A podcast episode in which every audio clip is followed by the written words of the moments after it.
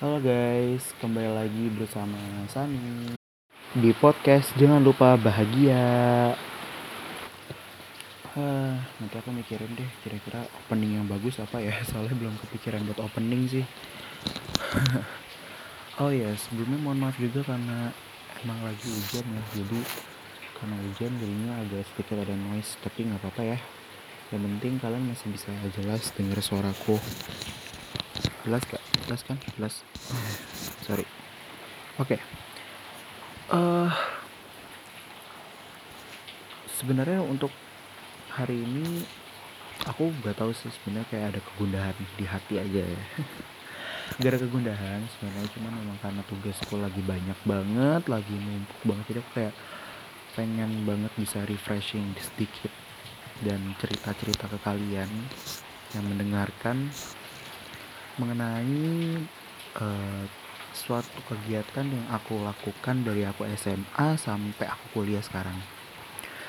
Ya mungkin aku pernah sempat singgung di episode pertama bahwa aku mengikuti salah satu uh, paduan suara di kampusku dan itu dari awal SMA sebenarnya aku udah ikut gitu Ya, uh, sebelum kita masuk ke pembahasanku kali ini, kita aku jelasin dulu apa itu paduan suara. Jadi paduan suara itu merupakan suatu kumpulan orang, mau itu uh, pria dan pria, wanita dengan wanita, ataupun pria dan wanita yang bernyanyi menjadi satu, membuat suatu harmoni yang berpadu. Ya, paham ya sini ya.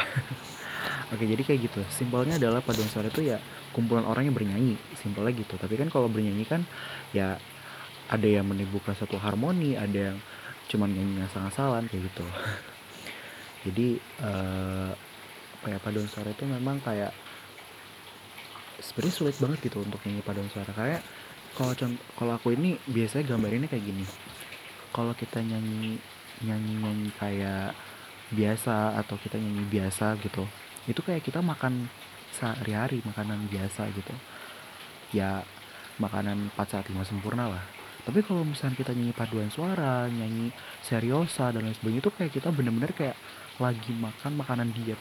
Jadi kayak kadang uh, kita bisa menerima bahwa itu adalah ini habitku. Tapi bisa juga ada yang menerima ini adalah suatu penyiksaan. Karena teknikal yang di, digunakan pada saat paduan suara itu bener-bener sedikit menyiksa ya dalam tanda kutip. Aku merasakan seperti itu. Oke. okay. Jadi paduan suara itu seperti itu guys. Jadi pembagian suaranya untuk cewek itu dibagi jadi sopran alto untuk cowok dibagi menjadi tenor dan bass gitu. Itu basically. Tapi ada juga yang soprannya dibagi lagi altonya dibagi lagi tenornya dibagi lagi bassnya dibagi lagi.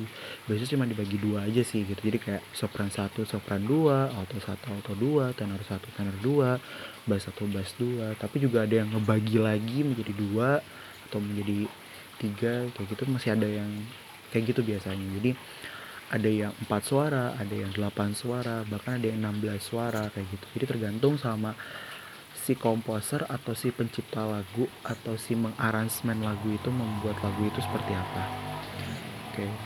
seperti itu guys jadi itu all talk buat paduan suara dulu ya yeah. uh, lagu paduan suara itu banyak ya jadi ada benar-benar lagu yang khusus buat paduan suara tapi ada juga lagu yang di apa ya di present di impress dari puisi ada juga yang dari lagu daerah atau lagu sesuatu lagu yang akhirnya di mixing ke bentuk choir gitu. Nah jadi ada beberapa lagu ya kalau misalkan lagu yang bener-bener choir itu biasanya tuh lagu-lagu yang jarang sih bukan jarang sih maksudnya kayak ada lah dari Indonesia gitu. Cuman kalau dari Indonesia contohnya adalah warna katulistiwa atau enggak dendang dendang alam katulistiwa itu aransemennya arrangernya adalah Ken Stephen. Jadi Ken Stephen itu uh, salah satu arranger yang paling aku apa ya paling aku fans banget. Karena yang pertama lagu-lagunya tuh bener-bener enak banget. Jadi kayak lagu-lagunya tuh khas banget gitu di kuping. Lagunya tuh bener-bener mengimplementasikan ini loh Indonesia kayak gitu. Jadi lagu-lagunya tuh bagusnya tuh kayak ada pasir berantai denang alam warna kepesiwa dan masih banyak lagi gitu. Jadi kayak kayak kayak seneng aja gitu kalau misalkan denger lagu Ken Stephen gitu. Tapi pas nyanyiin kadang kayak susah banget gitu kadang bukan menyiksa sih lebih kayak aduh ini kok teknikalnya susah. Karena kalau kalau kalian paham sama lagu paduan suara untuk Ken Stephen ini lebih main di tempo kalau aku mikirnya ya. Cuman uh, apa namanya Oh ya pasti berantai itu ternyata bukan dari bukan lagu asli ya tapi itu lagu daerah yang akhirnya di cover menjadi paduan suara. Aku salah. Tapi itu tetap arrangernya kan Ken Stephen gitu. Jadi tadi aku udah sama mana ya? Lupa. Uh, menyanyi paduan suara kalau Ken Stephen itu lagunya tuh biasanya tuh kayak bener-bener main di tempo gitu. Kadang temponya tuh tiap suara tuh beda. Akhirnya kayak waduh gimana? Bukan tempo ya lebih kayak liriknya mungkin ya. Kayak liriknya kemudian uh, yang misalkan uh, apa ya kayak tenornya misalkan tang cikitang cikitang tang tang tang tang cikitang cikitang tang tang tang terus nanti bassnya dudung dudung dudung dum dum dum dudung dudung dudung dum dudung kayak gitulah contohnya ya contoh doang. Ya jadi itu uh, salah satu lagu Stephen yang paling aku suka itu adalah dengan dalam katulistiwa. Da karena apa? Itu apa ya kayak mudah di bukan mudah dihafalkan. Sebenarnya dulu aku lama banget ngafalin itu.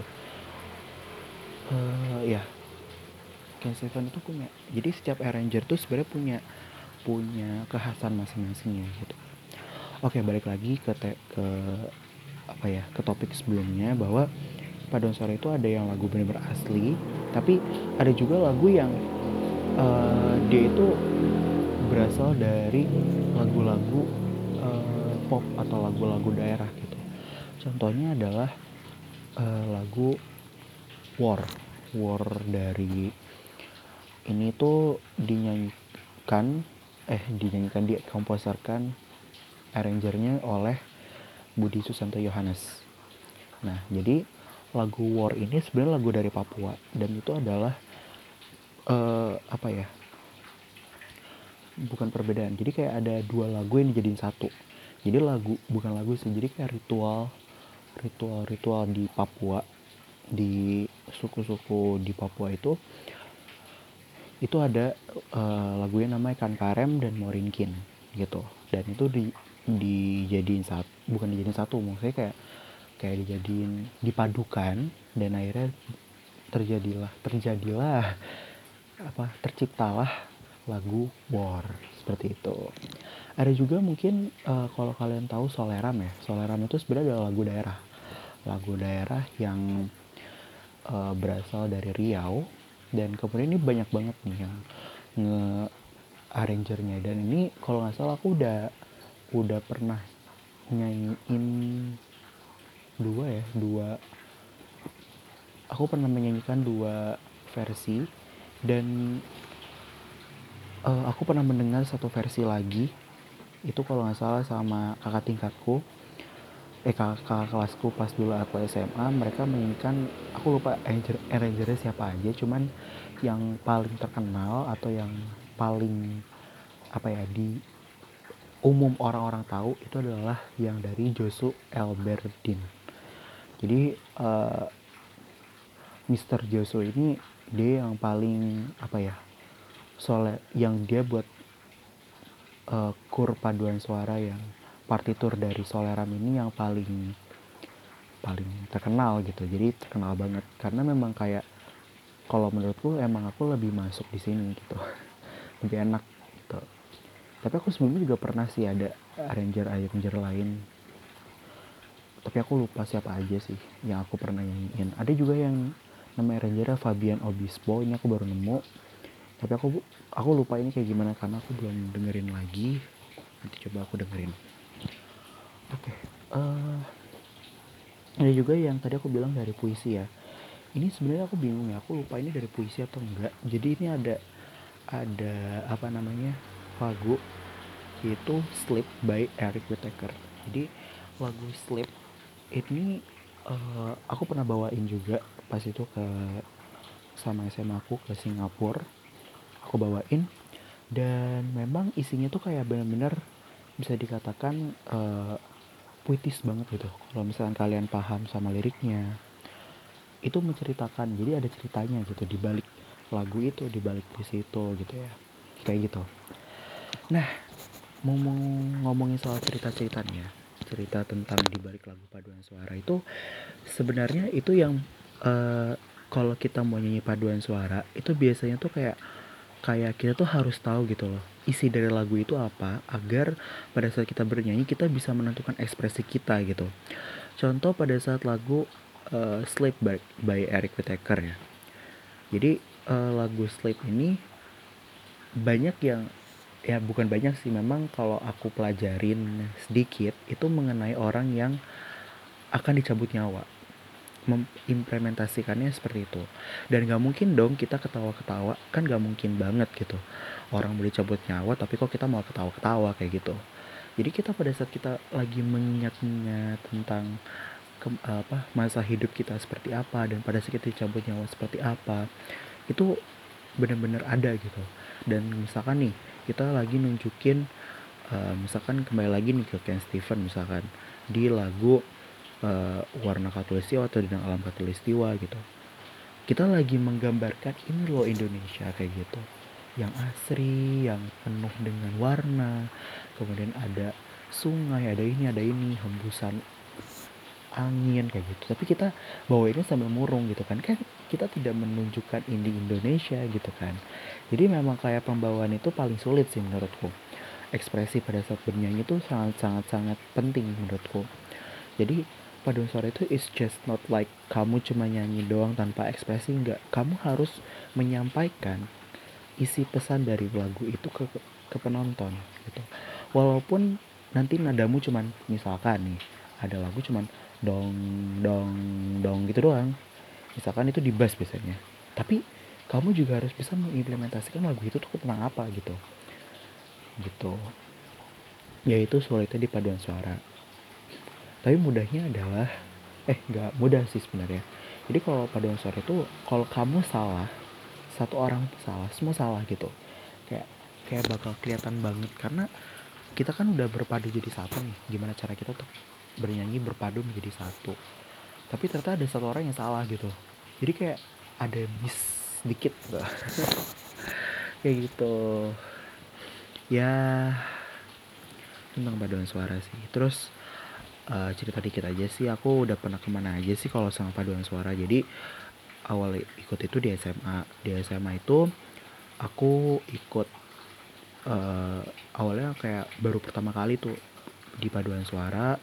Tapi pada situ aku langsung diterima di tim buat lomba.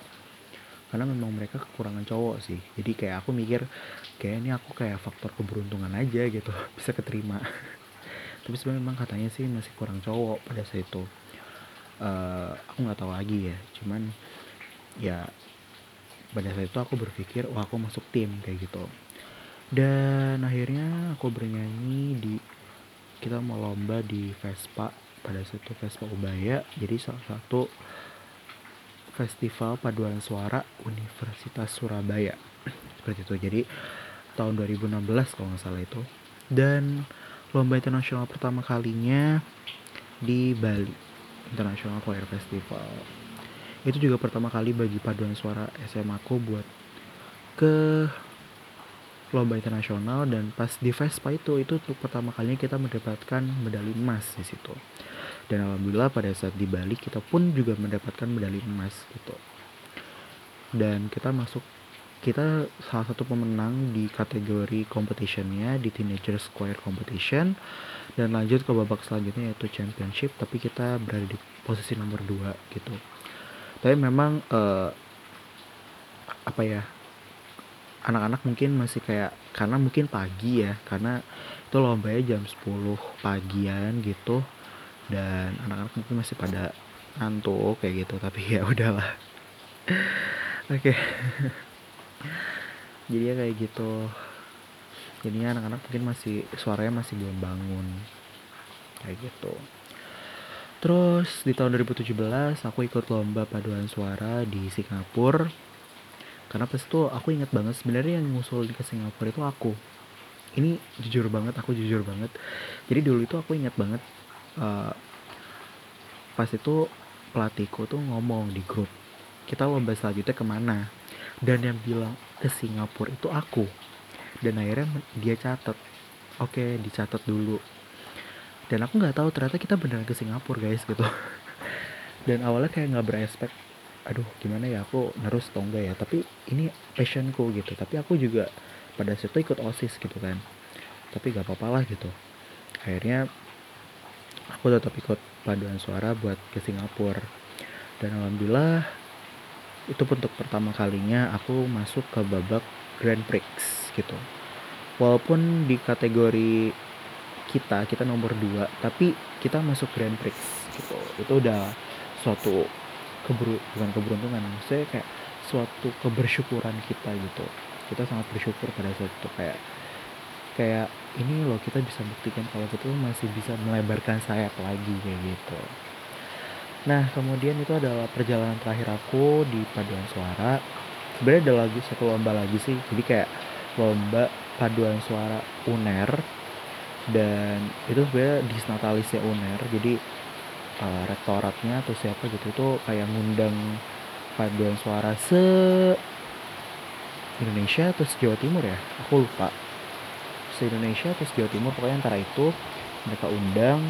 Dan mereka akhirnya buat lomba buat nyanyiin lagu himne sama Mars UNER jadi kalau kalian tahu aku anak UNESA tapi aku hafal Mars UNER ya itu jangan kaget. Karena dulu aku pernah hafalin kayak gitu.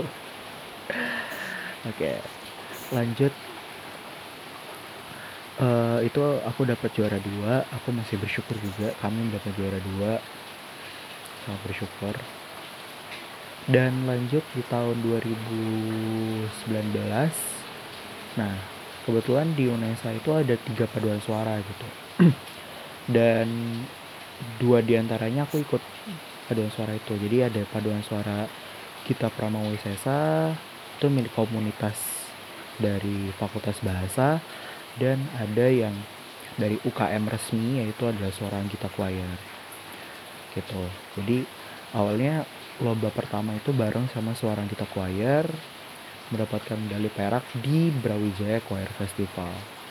Setidaknya walaupun masih medali perak tapi itu untuk pertama kalinya uh, apa ya aku bisa ngasih sesuatu buat UNESA kayak gitu. Walaupun kalau dihitung itu aku belum satu tahun di UNESA kayak gitu. Lanjutnya di apa uh, lomba selanjutnya di bulan Juli kalau nggak salah. Aku ikut Bali International Choir Festival lagi bareng sama Gita Pamawisesa dan aku mendapatkan kami mendapatkan medali emas di situ. Walaupun kita di urutan urutan nomor berapa ya lupa pas itu tapi kita mendapatkan medali emas gitu.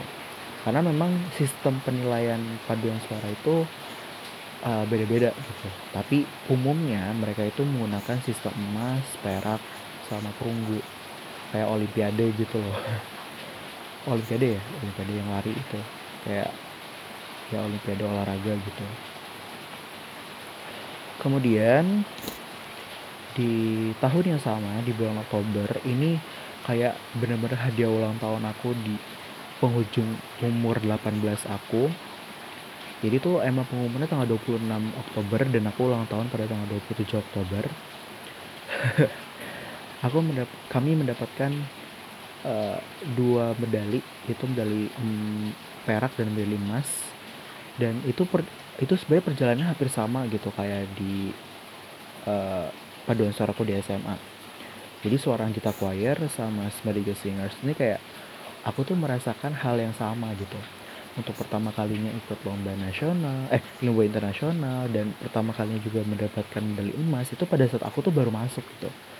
Jadi kayak kayak menimbulkan suatu kenangan dan suatu kegembiraan tersendiri gitu bagi aku. Bahwa aku bisa bahwa apa ya aku tuh juga bisa berkembang gitu di mana pun aku berada kayak gitu. Ya sebenarnya curhatan dikit lah. Oke. Jadi mendapatkan medali emas dan medali perak. Oke selanjutnya paduan suara itu kalau lomba itu biasanya tuh ada banyak banget kategorinya guys. Jadi kategori-kategori itu biasanya ada yang berdasarkan umur ada yang berdasarkan jenisnya dalam bernyanyi itu apa kayak gitu. Karena setiap lagu itu memiliki kekhasan yang berbeda gitu. Ada yang kekhasannya lebih kayak uh, apa ya klasikal kayak gitu. Ada yang juga yang kayak folklore. Gitu jadi kayak memiliki kategori-kategori tersendiri kayak gitu. Kayak saya belum pernah denger sih kalau kalian nanya misalkan ada nggak kategori rock? gitu. Uh, belum pernah dengar ada paduan suara nyanyi rock sebenarnya. Tapi kalian kalau misalkan menemukan wah itu hebat banget. Karena saya sendiri juga aku sendiri kayak belum pernah mendengarkan ada paduan suara yang nyanyi rock tapi kalau nggak salah kalau Bohemian Rhapsody itu masuk rock atau enggak sih? Enggak ya? Itu pop ya? Karena Queen. Queen itu pop. Oke. Okay. eh gimana ya? Tapi kalau jazz tuh kalau nggak salah ada sih. Pop and jazz tuh ada. Jadi ada kategori pop and jazz. Jadi mereka bernyanyi lagu pop. Seperti itu. Oke. Okay. uh, eh, apalagi aku bingung kalau bahas paduan suara banyak banget soalnya. Hmm okay. sebenarnya beda gak sih antara vokal grup sama paduan suara gitu? Beda sih menurutku. Kalau misalnya kalian bilang bahwa vokal grup kan juga terdiri orang. Tapi beda sih menurutku. Walaupun vokal grup itu lebih dari dua orang tapi dia tidak sebanyak paduan suara. Karena basically paduan suara itu biasanya itu kalau untuk lomba-lomba itu bisa minimal 25 orang gitu minimal tapi kalau misalkan uh, kalau untuk beberapa lagu memang mereka hanya perlu cuman kayak empat empat orang doang atau delapan orang doang kayak gitu. Itu ada beberapa lagu kayak gitu. Jadi itu masih termasuk paduan suara gitu. Kalau vokal grup itu lebih kayak grup suara tapi kalau paduan suara itu bahasa Inggrisnya choir. Ya aku juga bingung sekarang kayak masih belum bisa bedain apa itu vokal grup uh, sama paduan suara gitu. Ya gitu sih sebenarnya kayak apakah ada perbedaannya atau enggak? Oh sebenarnya ada sih ada yang lebih mencolok. Jadi kalau vokal grup itu biasanya dia nggak ada nggak ada yang memimpin gitu. Sedangkan kalau paduan suara tuh ada. Jadi memimpin itu dalam artian itu ada konduktor. Konduktor itu yang dia memberikan ketukan gitu yang biasanya di depan orang-orang lagi nyanyi gitu. Kalau paduan suara itu ada biasanya ada. Kalau vokal grup itu biasanya nggak ada. Bukan biasanya memang nggak ada sih. Dan pembagian suaranya pun lebih kompleks paduan suara daripada vokal grup. Karena biasanya vokal grup itu cuma bagi tiga suara paling. Biasanya tuh umumnya tuh kalau nggak cuma dua suara tiga suara. Tapi kalau paduan suara tuh dibagi empat suara dibagi kadang tuh dibagi kalau dibagi dua suara doang tuh jarang cuman kayak umumnya tuh dibagi empat suara kayak gitu umumnya. Seperti itu. Oke mungkin itu aja cerita dari aku. Semoga kalian seneng sama episode 2 kali ini. Ya itu doang sih bacotanku hari ini. Semoga kalian juga tetap semangat buat di rumah aja. Jangan ke mana-mana dulu kecuali kalau kalian urgent kalau kalian apa mau beli bahan-bahan makanan atau kalian masih kerja mungkin ya jalan dulu aja tapi tetap harus menggunakan masker membawa hand sanitizer dan tetap ada ada social eh, physical distancing seperti itu. Oke, sekian dari aku. Terima kasih atas perhatiannya. Wassalamualaikum warahmatullahi wabarakatuh. Sampai jumpa di episode selanjutnya.